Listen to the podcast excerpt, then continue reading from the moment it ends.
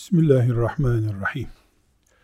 Elhamdülillah ve salatu ve selamu ala Resulillah. Derler ki eskiler, dünya bir kişi için çok, iki kişi için az imiş. Bu bir ayet değil, hadis değil. Ama dünyada yaşayan insanın dünya ile bağlantısını iyi açıklıyor. Bir kişi olunca dünya fazla görünüyor. İki kişi olunca dünya iki kişiye yetmiyor. Bu sözü değişik manalarda Sultan Kanuni Süleyman'a da mal ederler de biz bir başka açıdan bu sözü tahlil etmek istiyoruz. Esasen her insan dünyanın tamamını avucunun içine alacak hırsla yaratılıyor. Ama onun aklı, zekası, kabiliyetleri dünyanın bütününe yetmiyor. İkinci bir kişi gerekiyor, tek elden ses çıkmayacağı için. O ikinci kişi de o hırsla yaratıldığı için ikisi sürtüşüyorlar ve bu sefer ikisine de dar geliyor dünya. Ayet değil, hadis değil. İstediğimiz gibi yorumlayabiliriz. Ama biz sıradan bir Müslümandan ziraat yapan bir Müslümana, esnaftan bir Müslümana, siyasetçiye, alime kadar, mütefekkir, veya okuma yazma bilmez, kim olursa olsun, bütün insanların kesinlikle bir arkadaş ihtiyacı olduğuna inanıyoruz. Tek başına yol kat etmeye çalışan bir insan için dünya ve dünya hayatı risk taşıyabilir. Hatta tek kalan çıldırabilir bile. Çıldırmayı aratmayacak işler yapabilir. Rabbim koruması altına aldı. Ruhul Kudüs ile desteklediği peygamberleri dışında hiçbir insanı kemal vasfıyla yaratmadı. Ne demek kemal vasfıyla yaratmamak? Eksik, eksik. Çok bilgin, yine eksik. Çok zengin, yine eksik. Çok alim, kesinlikle eksik. Tamam olmak Allah'a mahsustur. Sadece Allah her şeyin son noktasıdır. Bu insanların birbirlerine muhtaçlığını beraberinde getiriyor. Sadece örnek olması bakımından bir şehir hayatını tasavvur etmeye çalışalım. Şehirde yaşamak için fırıncıya ihtiyaç var. İnkar edilemez bir gerçek fırıncı. Tek başına fırıncı ne yapacak? çiftçiye muhtaç. Buğday yetiştirecek. Buğday yetiştiren çiftçi fırıncının aslı gibi görünüyor. Ama yetiştirdiği buğdayı ekmek yapan biri olmadıkça çiftçi aç kalacak. Çıplak gezemeyeceği için, kışın üşüyeceği için kumaş üretene, pamuk yetiştirene ihtiyaç var. Aynı şekilde terziye ihtiyaç var. Onu satacak konfeksiyona ihtiyaç var. İnsanların evde oturmaları lazım. Ustaya ihtiyaç var. Usta bıraktı gitti tamirciye ihtiyaç var. Öyle ki hangi insanı alırsanız o olmasa olmaz gibi duruyor. Tek başına hiçbir işe yaramıyor. Siyaset olmadığı zaman insanlık gidiyor. Yani bir devlet. O devletin bir sistemi, o sistemin başında birisi, bir mekanizma olmadığı zaman hayvanlaşıyor insanlar. Birbirlerini yiyorlar. Bir sistem oturması gerekiyor. Cami de böyle. Ustasına ihtiyaç var. Halısını dokuyacak insana ihtiyaç var. İmama ihtiyaç var. İmam olmasa namaz olmuyor. Cemaat olmasa imama gerek olmuyor. Hayatta bir insanın tek başına bütün dengeleri oturtabildiği bir sistem yoktur. Çocuk bile oyun oynayacak arkadaş bulamadığı zaman ya içine kapanık çökük bir çocuk olur ya annesinin babasının başının belası bir çocuk olur. Onun için birinci çocuktan sonra uzun dönem ikinci çocuğu olmayan aileler yani çocuk 7-8 yaşına geldi ikinci çocukları olmadı o ailede o çocuk hep sorunlu büyüyor umumiyet itibariyle tabi. Neden? Çocuğun ailede dengi yok. Baba 30 yaşında, anne 28 yaşında, çocuk 3 yaşında. Evet anne belli boşluğu dolduruyor ama çocuğun çocukluk ihtiyacını dolduramıyor. Ne yapılıyor? Komşu çocuğunu kendisi ikizi gibi edinmesi gerekiyor. Bu da normal, tabii bir ihtiyaç bu. Yani çocuğun çocukluğa ihtiyacı var. Terzinin kumaş üreticisine, kumaş üreticisinin onu imal edecek, onu imal edecek olanın satacağı herkesi Allah birbirine muhtaç yaratmış. Kulluk dediğimiz böyle bir şey. Şimdi erkekler için düşünülür ki kadın olmasa evlenmek için erkek helak oldu gitti. Bu doğrudur ama aynı doğru kadın için de geçerlidir. Erkekler olmasa kadınların kadınlığı ne işe yarayacak? Hayat böyle. Gece neden ürkütücüdür? Gündüz aydınlık olduğundan dolayı. Biz hiç gündüz görmeseydik, geceli bir dünyada yaratılsaydık, hep gece, 365 gün hep gece, mesela, gündüz diye bir şey bilmediğimiz için geceye sitem etmeyecektik. Karanlık diye bir şeyimiz olmayacaktı. Soğuk sıcaktan dolayı kötüdür. Sıcak soğuktan dolayı sempatiktir. Bahar niye kıymetli? Sonbaharı gördüğümüz için. Rabbim her şeyi böyle çift yaratmış. Birbirini kovalayan ama aynı zamanda birbirini destekleyen. Bu kovalama kaç git buradan diye değil, özellikle bir yuvarlağın etrafında döner gibi kovaladıkça hep onun peşinden gidiyorsun. Onun peşinden gidince arkandan geliyor. Böyle bir sistem üzerinde Rabbimiz yaratmış. Bu genel tablonun içinde insan olup da arkadaşa muhtaç olmayan birisi yoktur. Deliler hariç, mahpuslar hariç. Zaten mahpusluğun yani zindana atılmanın ağır olan tarafı ekmek elden su gölden olduğu değil ha. Devlet garantisinde yiyip içeceksin. İş yok güç yok. Ne güzel. Isınma derdin yok, acıkma derdin yok. Elbiseni devlet veriyor. Tırnak makasını devlet veriyor. Ve ne güzel hayat. Hapishanenin vurucu tarafı nedir? Seni sem sevdiğin çevrenden koparıyor. Onun için babanın, ananın cenazesi varsa sana bir gün izin veriyor. Özlediğinde izin vermiyor.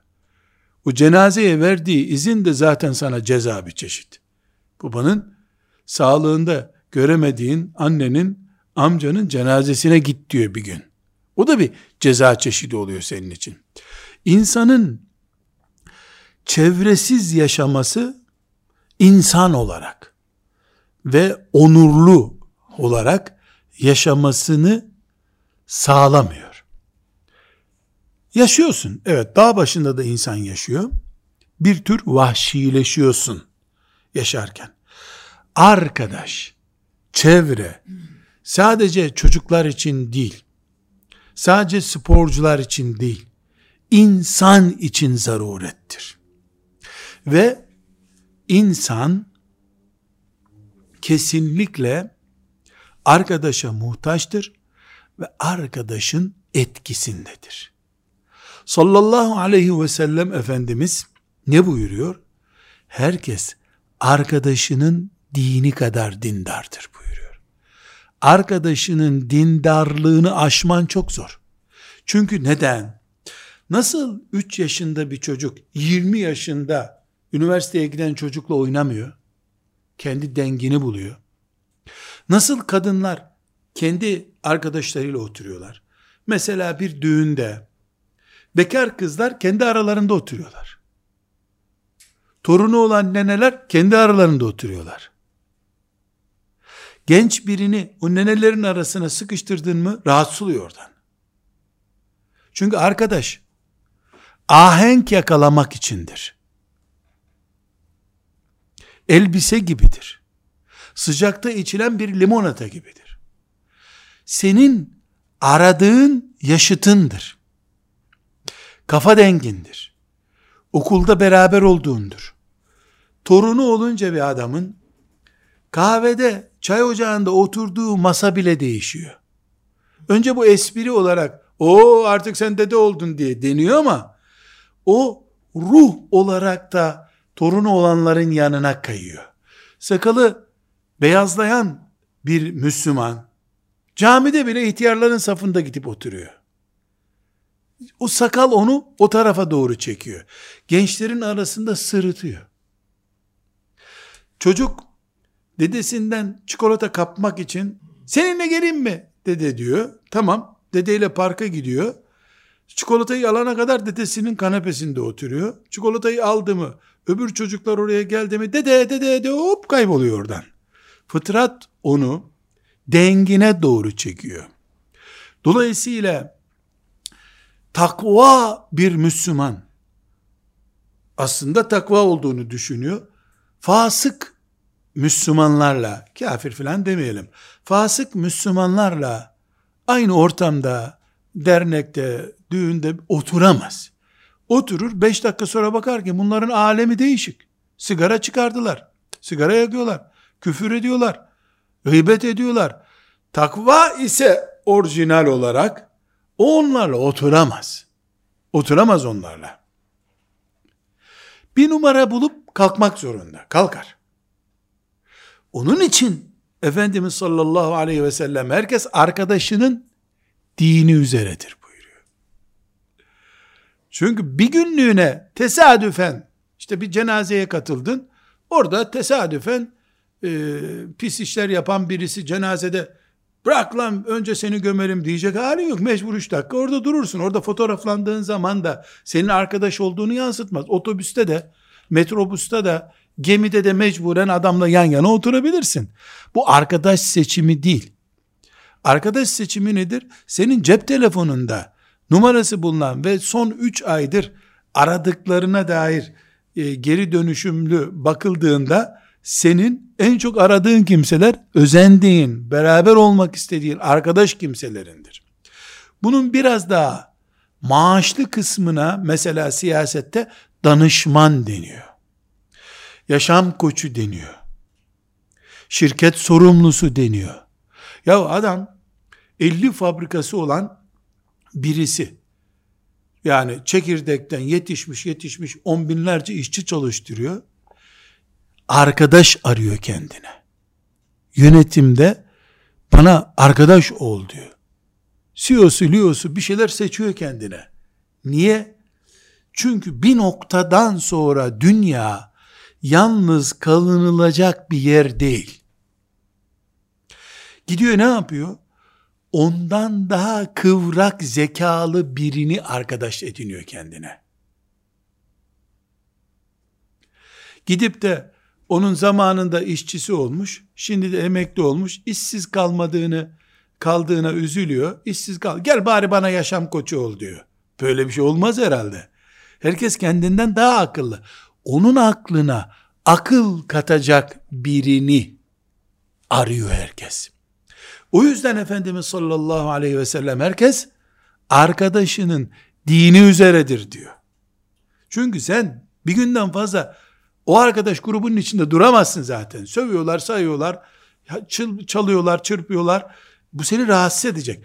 Aslında sen onlarla berabersen aslında onların dengesin. Sen takva olduğunu, hacı olduğunu filan, alim olduğunu zannediyordun ama senin oturup kalktığın 10 kişi içindeki ortalama sensin. Onun için herkes arkadaşının el mer'u ala dini halilihi arkadaşının dini üzeredir. Okulda da böyledir. Mesela tıp fakültesine gireceğim diye özentisi olan, çırpınan bir çocuk, sınıfta kalan çocuklarla hiç oynarken gördünüz mü onu okul hayatınızda? Hatta matematik zekası yüksek olan, matematikten hep 10 puan alan çocuklar, niye sosyal zekası geniş olan çocuklarla oturup kalkmak istemezler? Hatta futbol takımı kuracak olsalar bile okulun bahçesinde herkes grubuyla kuruyor. Matematikçilerle sosyalcileri maç yaptırıyorlar. Daha iyi kızışsınlar diye. Bu bize gösteriyor ki arkadaş tabii bir ihtiyaçtır. Sonradan devşirme değildir insanda. Fıtridir bu. Yemek ihtiyacı kadar, su içme ihtiyacı kadardır. Bunun için asırlar öncesinden beri insana verilebilecek en büyük ölümün altındaki ceza hapis cezası olmuştur. Yani onun arkadaşlarından, te, çevresinden tecrid etme cezası. Madem bu bir ceza türüdür, insan için hoştur. Tıpkı aç bırakmayı bir ceza çeşidi olarak insanda gördüğümüz gibi. Niye dayak insan için kaba ve ağır bir cezadır? Çünkü insan vücudunda acı istemez. Tabii olarak yaradan hoşlanmaz. Bu tabiidir. Fıtratımızdan geliyor. Bu sebeple bir siyasetçi, bir alim, bir mütefekkir, çevresinin etkisi altındadır yüzde yüz. Mesela alim bir insan, çok derin, müfessir birisi, hep e, kelam alimleriyle oturup kalkıyor. Felsefecilerle oturup kalkıyor. Bu bir yıl sonra da onun tefsir anlayışında görülemiyor. Mümkün mü bu ya? Hiç mümkün değil. Bugün Müslümanlar mesela siyaset konusunda mesela ticaret konusunda 30 sene önce düşündüklerini niye düşünmüyorlar? Allah rahmet etsin.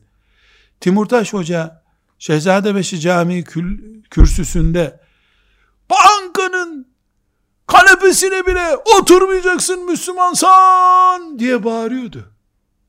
Kazara hastanenin önünde parkta bir bankta oturduysa birisi Timurtaş Hoca beni dövecek zannediyordu. Ve bu toplumda kabul görüyordu. Şimdi Müslümanlar korkarım ve Allah'tan utanarak derim ki ulan öbürlerinden fazla faiz alıyorlar herhalde. Krediyi en fazla Müslümanlar kullanıyor. Neden? Neden? Çünkü Müslümanlar siyasi ve hedefli bir maksatla ideolojik bir düşünceyle ticarete girelim. Bu gavurların kazandığı parayı biz kazanalım. Dinimize hizmet ederiz düşündüler. Siyasette olalım. Belediye bizde olsun. Filanca kooperatif bizde olsun.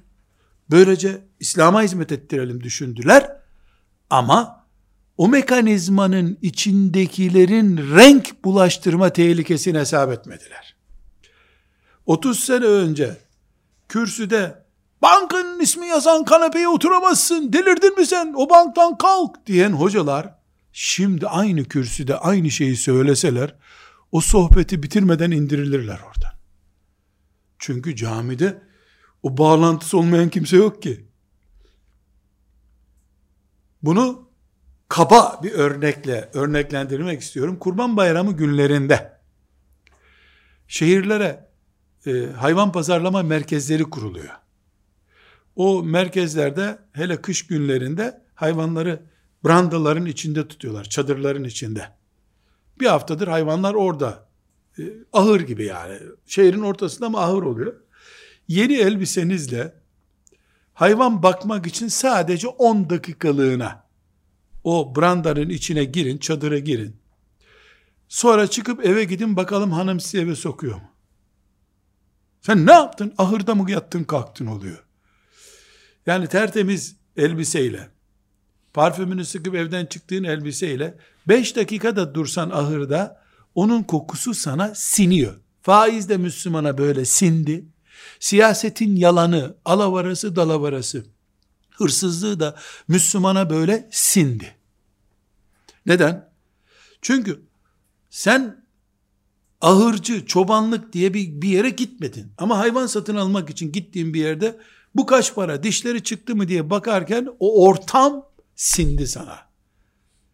Eğer siyasette 5 sene 10 sene bulunursan siyaset yalanını, hırsızlığını, dolanını, hilesini, insan aldatmasını sana sindirir. Aynı şekilde ticaretle önce zorunlu olarak işte efekte yapmak için Çin'de ticaret merkeziyle bu bankayla girmem lazım. İslami bankaları kabul etmiyorlar gibi filan bir numarayla gireceksin. Bu numara da gerçekçi olacak. Koku sinecek. O koku şimdi ikinci noktasına geliyoruz. Eve geldik. Hanım ve çocuklar hatta küçük çocuk üf babam pis kokuyor evden çık baba diye tepki gösterdiler. Hemen banyoya gittin sen temizlendin. Peki o çoban yani o çadırda o inekleri satan adam evine gittiğinde niye evden kovulmuyor? Her saat banyo yapmıyor herhalde. Onların doğal kokusu artık. Zaten sen de her gün bir ay inek bakmak için gitsen sen de kokmayacaksın o evde. Evin doğal kokusu haline gelecek. İşte burada Peygamber sallallahu aleyhi ve sellemin sözü devreye giriyor. Mümin müminin aynasıdır. Mümin mümine baktığında kendini görür. Bu o müminin parlak, e, görüntüsü bozulmamış, kirlenmemiş bir ayna olmasını gerektiriyor. Mümin de diğer mümine bakıp kendisini görecek teslimiyette olmasını gerektiriyor. Dolayısıyla hem aynalık yapan mümin, hem aynaya bakan mümin, ikisi de bu hayatın tabii ihtiyaçlarından birisini görüyorlar. Onun için ümmeti Muhammed, üst üste konup duvarı oluşturan tuğlalar gibidir diyor Efendimiz sallallahu aleyhi ve sellem. Eğer ben bir müminin yanında otururken ay çok fena pis kokuyorsun baba çık evden diyen çocuk gibi sen sigara mı içtin ya nasıl sigara içiyorsun sen yok abi hiç içmedim o zaman sigara içenlerin yanında oturdun diyorsa bana aynam benim o Allah ondan razı olsun o benim ahiret kardeşim öyle hacca beraber gittik diye ahiret kardeşi olmuyor insanlar ahiret kardeşi bu benim cehenneme girme olasılığım olan herhangi bir şeyi gördüğünde rahatsız oluyor. Sen niye bankaya gittin bugün diyor. İşte biliyorsun abi işte şu işi yapamıyoruz. Ne lazım sana? Şu kadar. Ya benim arabamı satayım. Sen yeter ki bankaya gitme. Ayna be. Hem ne ayna ya. Ne ayna be. Mübarek bir ayna bu. Sonra ben ona aynalık yapıyorum. Zaten birbirim bir tanemiz ayna diye bir standartta çıkmıyor. Hepimiz birbirimizin. Mümin, müminin aynasıdır. Ben mümin olduğum sürece o benim aynam. O mümin olduğu sürece ben onun aynasıyım. Ama şimdi la ilahe illallah Muhammedur Resulullah diyoruz. Mümin miyiz? Elhamdülillah. Müminiz. E ne oldu? Ayna hani bakıyorduk, görüyorduk birbirimizi. Benim oğlum, onun kızı, öbürünün yeğeni, onun gözüne baka baka bataklığa düşmüş. Bu amcalık yapmamış hiç. En azından gelip beni uyarmamış. Ayna ama apartman aynamızın görüşünü öldürmüş. Hani arabaya girince beş kişi sabahleyin kış günü diye nefes verdiğimizden cam buharlanıyor ya. Hep aynalarımız buharlandı. Bid'atler buharladı. Nasıl olsa aşure çorbası verdin mi mümin kardeşi yerini buluyor. O aşure var ya aynanın üstüne dökülmüş çamur gibi bir şey oldu o zaman. Simit de verdin mi susamları dökülüyor tam göremiyorsun. Bakıp göremiyorsun. Aynalarımız çok buharlandı. Hep birbirimizin aynasını buharladık. Çünkü yalan konuştuk, yaptık, ayna buharlandı. Gıybet ettik, yapıp aynayı buharladık. Birbirimizin aynasıyız. Ama ayna buharlı. Haramlardan dolayı, yanlışlardan dolayı. Mümin müminin aynasıdır. Ve mümin arkadaşının dini üzeredir. Hadisini düşündüğümüzde biz bir çay içmeye gittiğimizde filanca arkadaşın bahçesine, filanca arkadaşın balkonuna, filanca arkadaşa gittiğimizde aynaya bakıp şöyle yakamızı düzeltmek için gittiğimiz halde ayna eğik büyük gösteren park aynası olduğu için bize gerçeği göstermedi. Bücür bir tip olduğum halde o Luna Park aynası olduğu için beni kocaman gösterdi. Yağ yaktı bana çünkü. Samimi konuşmadı. Ben yanlış yaptığım halde Allah yardım etsin. Allah, Allah yardım etsin dediği şey pis bir iş ya. Nasıl Allah yardım etsin bu işe? Arkadaş olduğu için haramlı bir düğününe de gittim ben. Ne işin var senin burada? Ya biz kaç senelik arkadaşız. Nasıl anlatayım derdim ben buna ya. Asıl bugün sen ayna gibi duracaktın. O da sana bakacaktı. Böyle bir düğün yapmaktansa evlendirmiyorum çocuğumu diyecekti. Sen diyemedin, o diyemedi, o diyemedi. Gelen yaptı aynaya. Kış günü bu sözümü İstanbul'da bir belediye otobüsünün camına bakarak anlayın. Yüz kişi otobüse biniyor. Hepsi yapıyor. Otobüsün dışarısı görünmüyor. Dışarıdan içerisi görünmüyor. Cam buharlanmış. O kadar insanın buharı. Sen yalan söyledin. Öbür arkadaşın yalan söyledi. Öbür arkadaşın yalan söyledi. Silecek yetiştiremiyor bu buharı silmeye şimdi. Birbirimize yalan söyleyerek, birbirimize yağcılık yaparak, hakikati gizleyerek, basit menfaati öne çıkarıp ahiret menfaatimizi erteleyerek birbirimizin bir tür kör aynaları olduk. Kör aynalarıyız birbirimizin. Halbuki mümin müminin aynasıydı. Ama evvela eş eşin aynası. Neden? Eş mümin. O da mümin. Nasıl çıkarken hanım bir dakika bir dakika bir dakika ne yapıyorsun ya yakanı düzelt. Dur dur dur dur dur bu, bu ceket uymamış sana. Pantolonu çıkar öbür ceketini giy. Ayna çünkü kadın. Ama takım elbise aynası. Mübarek. Hiç ahiret aynalığı yapmıyor. Mümin müminin aynası. Eş eşin mümini. E birbirimize mümin gözüyle de bakıyoruz biz. Zaten öyle nikah kıydık elhamdülillah. Baba çocukların çocuklar babanın aynası. Arkadaş aynı zamanda akraba da olur. Yani dünürlerim benim arkadaşım aynı zamanda. Müminiz çünkü. Müminlik bize bir atmosfer oluşturuyor.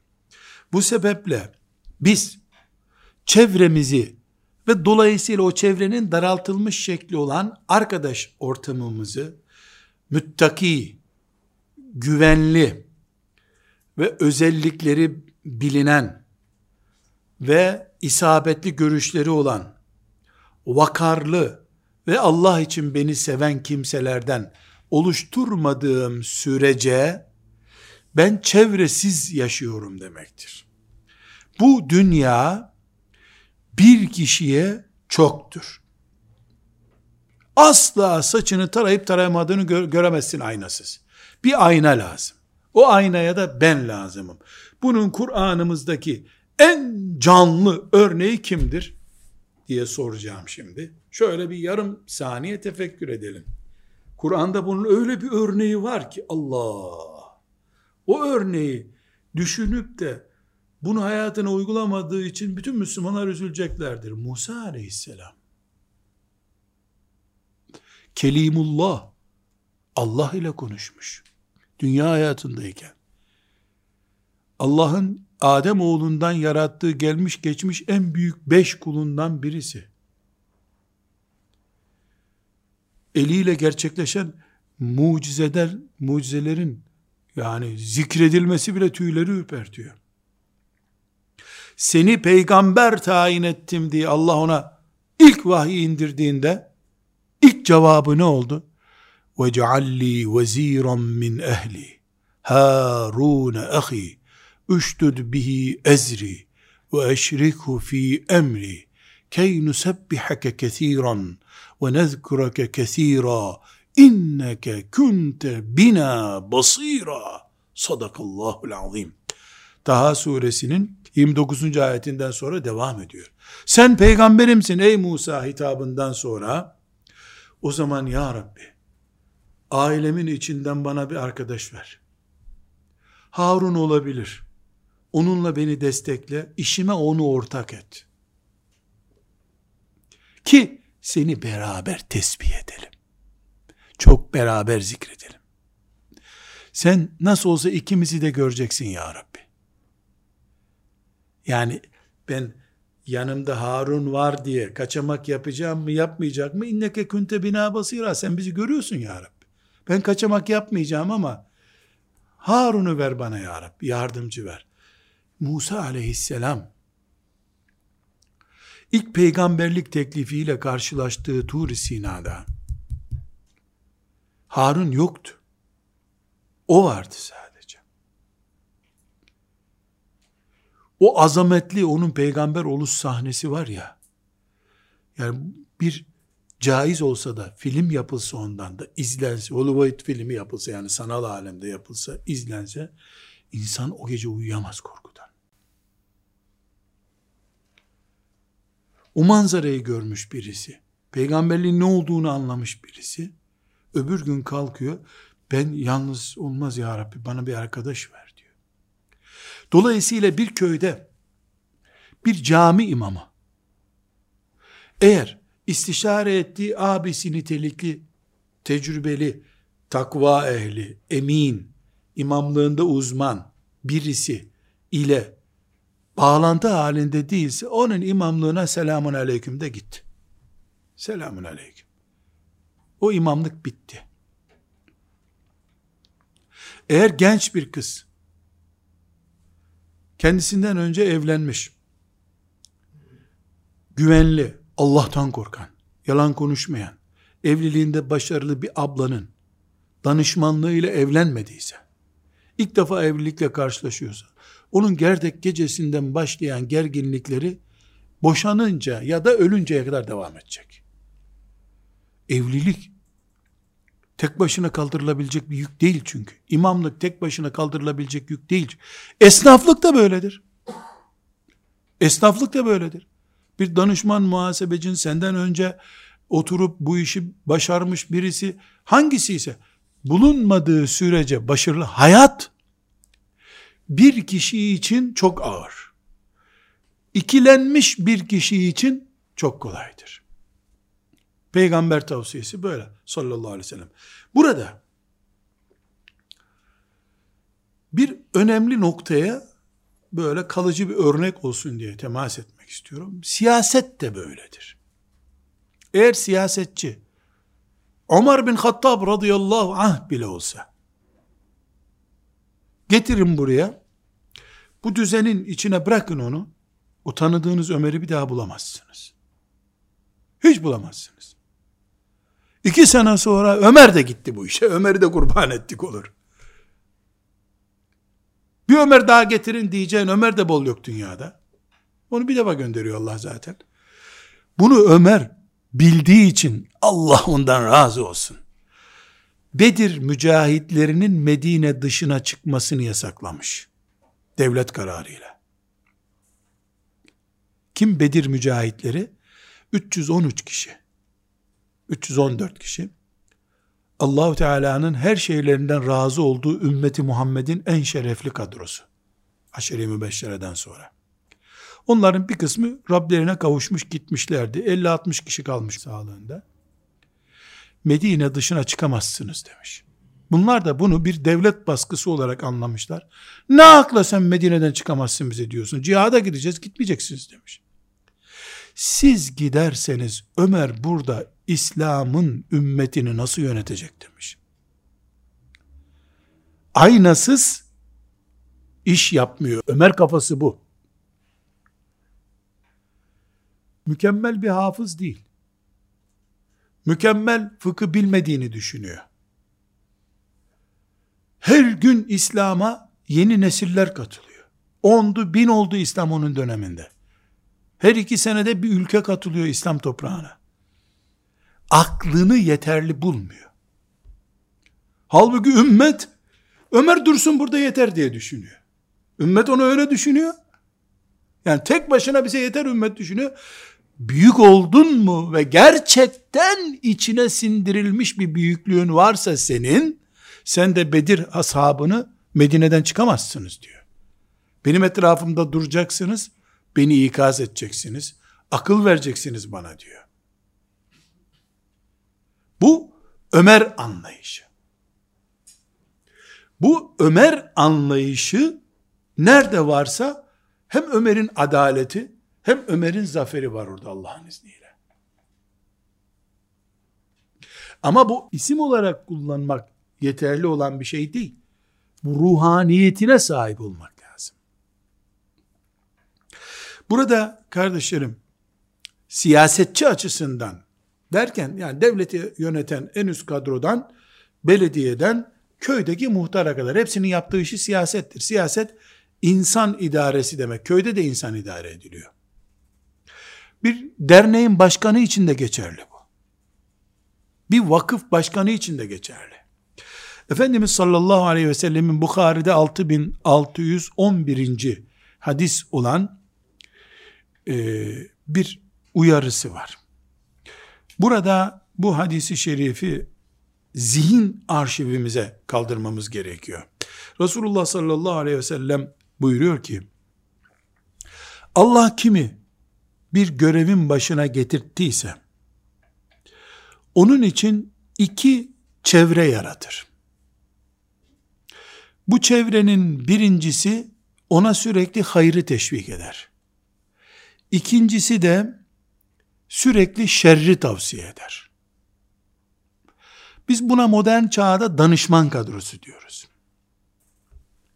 Sonra da buyurmuş ki iyi bilin ki Allah'tan başka kimse masum değil. Allah'ın koruduğu sadece masumdur. Yani bir yönetici, vakıf yöneticisi, vali, kim olursa olsun, karşısındaki halktan sürekli hayrı teşvik edenleri de bulacak, şerri teşvik edenleri de bulacak. Akşam kimlerle yemeğe katılıyorsa, kokteyle katılıyorsa, o onun meylettiği taraf olduğu için onların rengini alacak. Ahıra girecek, üstü inek kokacak. Ya da camiye girecek, tesbihle evine gidecek. Ebu Davud'da 2932. hadisi şerif, bu hadisin açıklayıcısı niteliğinde çok önemli. Buyuruyor ki Efendimiz sallallahu aleyhi ve sellem, Allah bir lidere hayır murad ettiği zaman, ne demek hayır murad ettiği zaman? Yani bu liderin başarılı olmasını istiyorsa Allah bu dernekte, bu muhtarlıkta, bu belediyede, bu devletin başında hayır murad ettiği zaman Allah, ona unuttuğunu hatırlatan, Allah'tan korkmasını teşvik eden çevre nasip eder. Eğer Allah bir lidere hayır murad etmiyorsa, unuttuğunu hatırlatmayan ve onu yanlışlara yönlendiren çevre oluşturur ona. Hadisteki bunun adı bitanedir. Ayet ise Kur'an-ı Kerim'de ey müminler sizden olmayan bitaneler yani danışmanlar edinmeyin. Onlar sizin hayrınızı düşünmezler buyuruyor. Buradan ne anlıyoruz peki? Bu hadis ne istiyor? Herkes kendi kuyusunu kazıyor. Onu anlatıyor hadis-i şerif. Herkes kuyusunu kazıyor. Maaş vererek, bana akıl ver dediğin adam, seni cennete de götürecek, cehenneme de götürecek. Allah senin orada kalmanı istiyor mu istemiyor muyu veya biz bu belediyenin başındaki adamın Allah'ın sevdiği kul olup olmadığını anlamamız için onun maaş ödediği danışmanlarına telefon edip abi ne diyorsun bunu nasıl yapalım dediği tiplere bakacağız. Hiç bunun başka lamıcım yok. Ayette böyle buyuruyor. Hadis-i şeriflerde de Resulullah sallallahu aleyhi ve sellem böyle buyuruyor. Eğer şöyle bir sıkıntı var tabi. Bir Müslüman insan buna yaptığı yanlışı söyleyemem ben çok sinirleniyor. Ne olur sinirlenirse? Çek lan sen danışmanım değilsin der. Aç mı kalırsın? Birey olarak biz yanlışı konuşamayan insanı zaten danışman olarak almayı abes görüyoruz. Kaldı ki Efendimiz sallallahu aleyhi ve sellem müsnette Ahmet bin Hanbel'in müsnedin 6784. hadisi şerifte Efendimiz sallallahu aleyhi ve sellem bugün bütün Müslümanların ne oluyor ya? Ne oluyor kardeşim? diye ürküttüğü bu tablosuna karşı nereden problem oluştuğu anlatan bir hadis diye bakıyoruz. Efendimiz sallallahu aleyhi ve sellem buyuruyor ki İzâ ra'eyte ümmeti tehabu zalime en tekule lehu ente zalim fakat tuvuddi'a minhum fakat tuvuddi'a minhum eğer bir gün benim ümmetim zalime senin yaptığın zulümdür demekten çekiniyorsa ümmetimin işi bitmiştir buyuruyor. Ümmetimin işi bitmiştir. Bu ümmette demek ki bin bir zina vesaire olur. Kumar olur. Faiz olur. Ama Müslümanların ağzı hiçbir zaman fermarlanamaz. Bu zulümdür. Ey haccac! Yaptığın zulümdür der, ibadetine devam edersin. Kan akıtman gerekmiyor. Bu müminin kalitesini gösteriyor. Ümmetin gidişatının ne olduğunu gösteriyor. Eğer ümmet bireysel menfaatlerinden dolayı lokal menfaatleri ümmet çapında da olsa büyük ahiret hesaplarının önüne geçiriyorsa, bireysel hesapları öne geçiriyorsa ve bu yüzden yanlışlara, haramlara, zulümlere hayır bu böyle değildir diyemiyorsa fakat tuvuddi'a minhum. O ümmetin işi bitmiştir. O ümmetin işi bitmiştir. Müslümanlar bile ya bir solcu, bir kaba bir adam çıksa da şunlara bir cevap verse deyip bir yanlışı, belediyedeki muhtarlıktaki bir yanlışı düzeltmeye çalışıyorlarsa, köydeki hatayı düzeltmek için köyün bir delisi var, onu muhtarın üstüne sürüyorlarsa, kendileri söylemekten çekiniyorlarsa, fakat tuudda'a minhum, o ümmetin işi bitmiştir. Burada bir örnek zikredeceğim. Bu örneği inşaallahu teala hepimiz kendimize ders ediniriz. Ümmetin muhtarlığından, belediyesinden, parlamentosuna kadar herhangi bir yerde ümmetin adına konuştuğunu düşünenler hepimiz için. Müminiz elhamdülillah hepimiz için. Güzel bir örnek.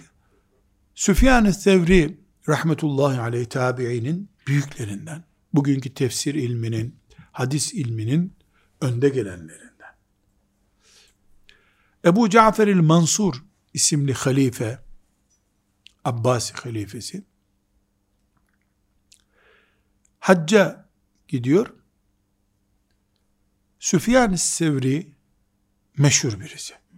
Ne ile meşhur? Takvası, zühdü, ilmi, afakı doldurmuş şöhreti.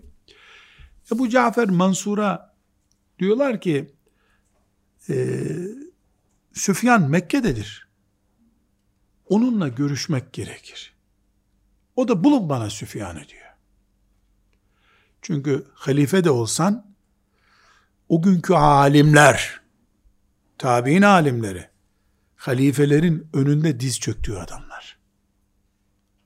Çünkü Resulullah'ı sallallahu aleyhi ve sellem ilmiyle temsil ediyorlardı. Allah da onlara heybet vermişti. Heybetleri vardı. Sen Mekke'ye gittin Süfyan-ı Sevri'yi görmedin mi e, Bağdat'a zor dönersin. Sorarlar sana Süfyan-ı Sevri ile niye oturmadın?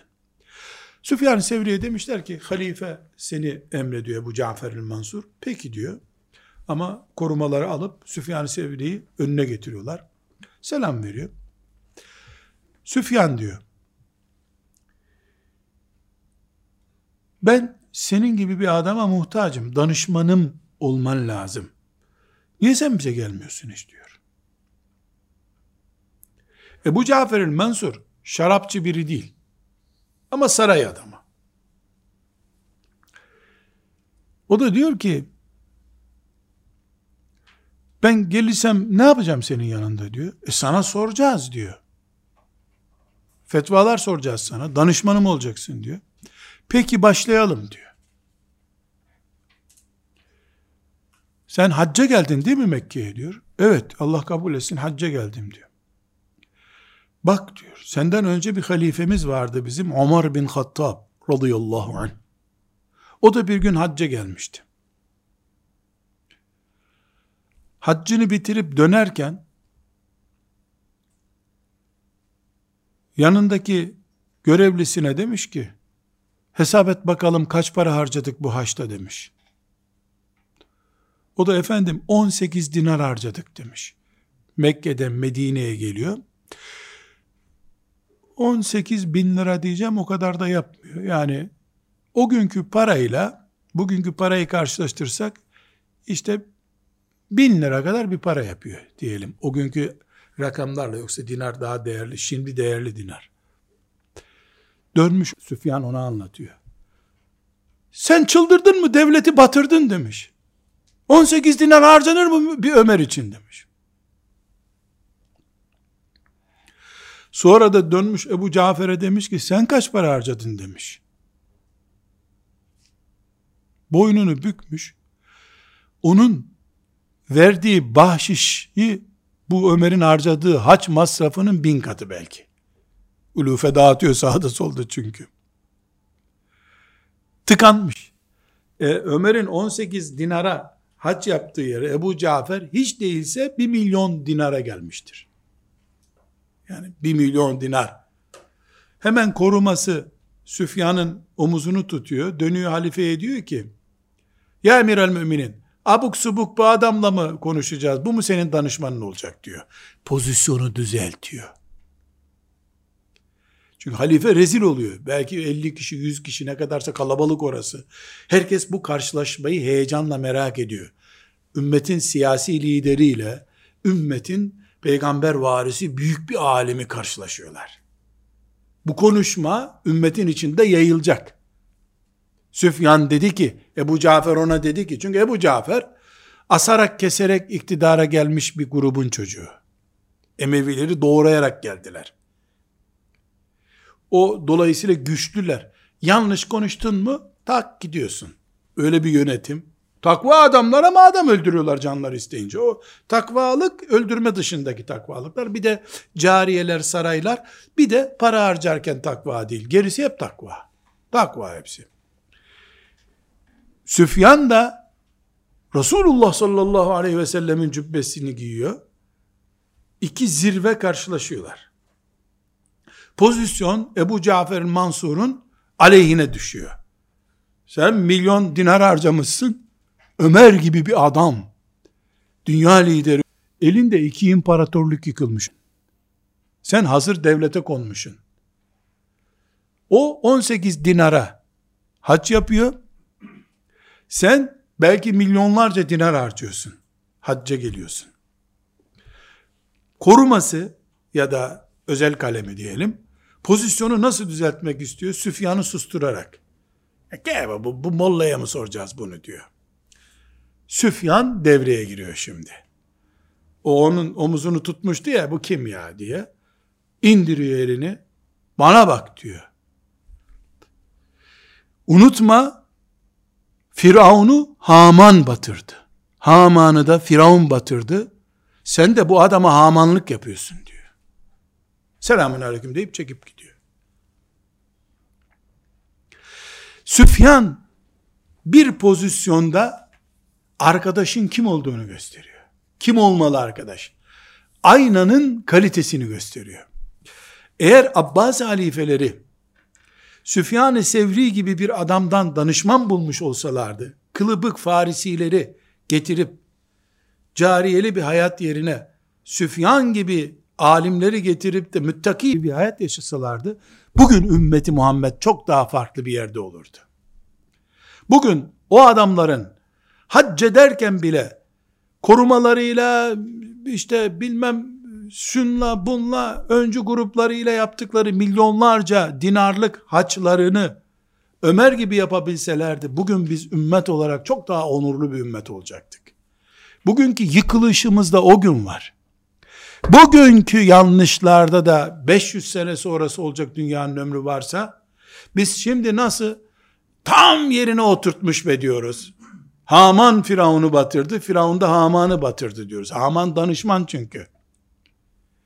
Şimdi Süfyan-ı Sevri rahmetullahi aleyhin sözü yani böyle bu kadar oturur ya. Bu, bu, bu kadar oturur söz diyoruz.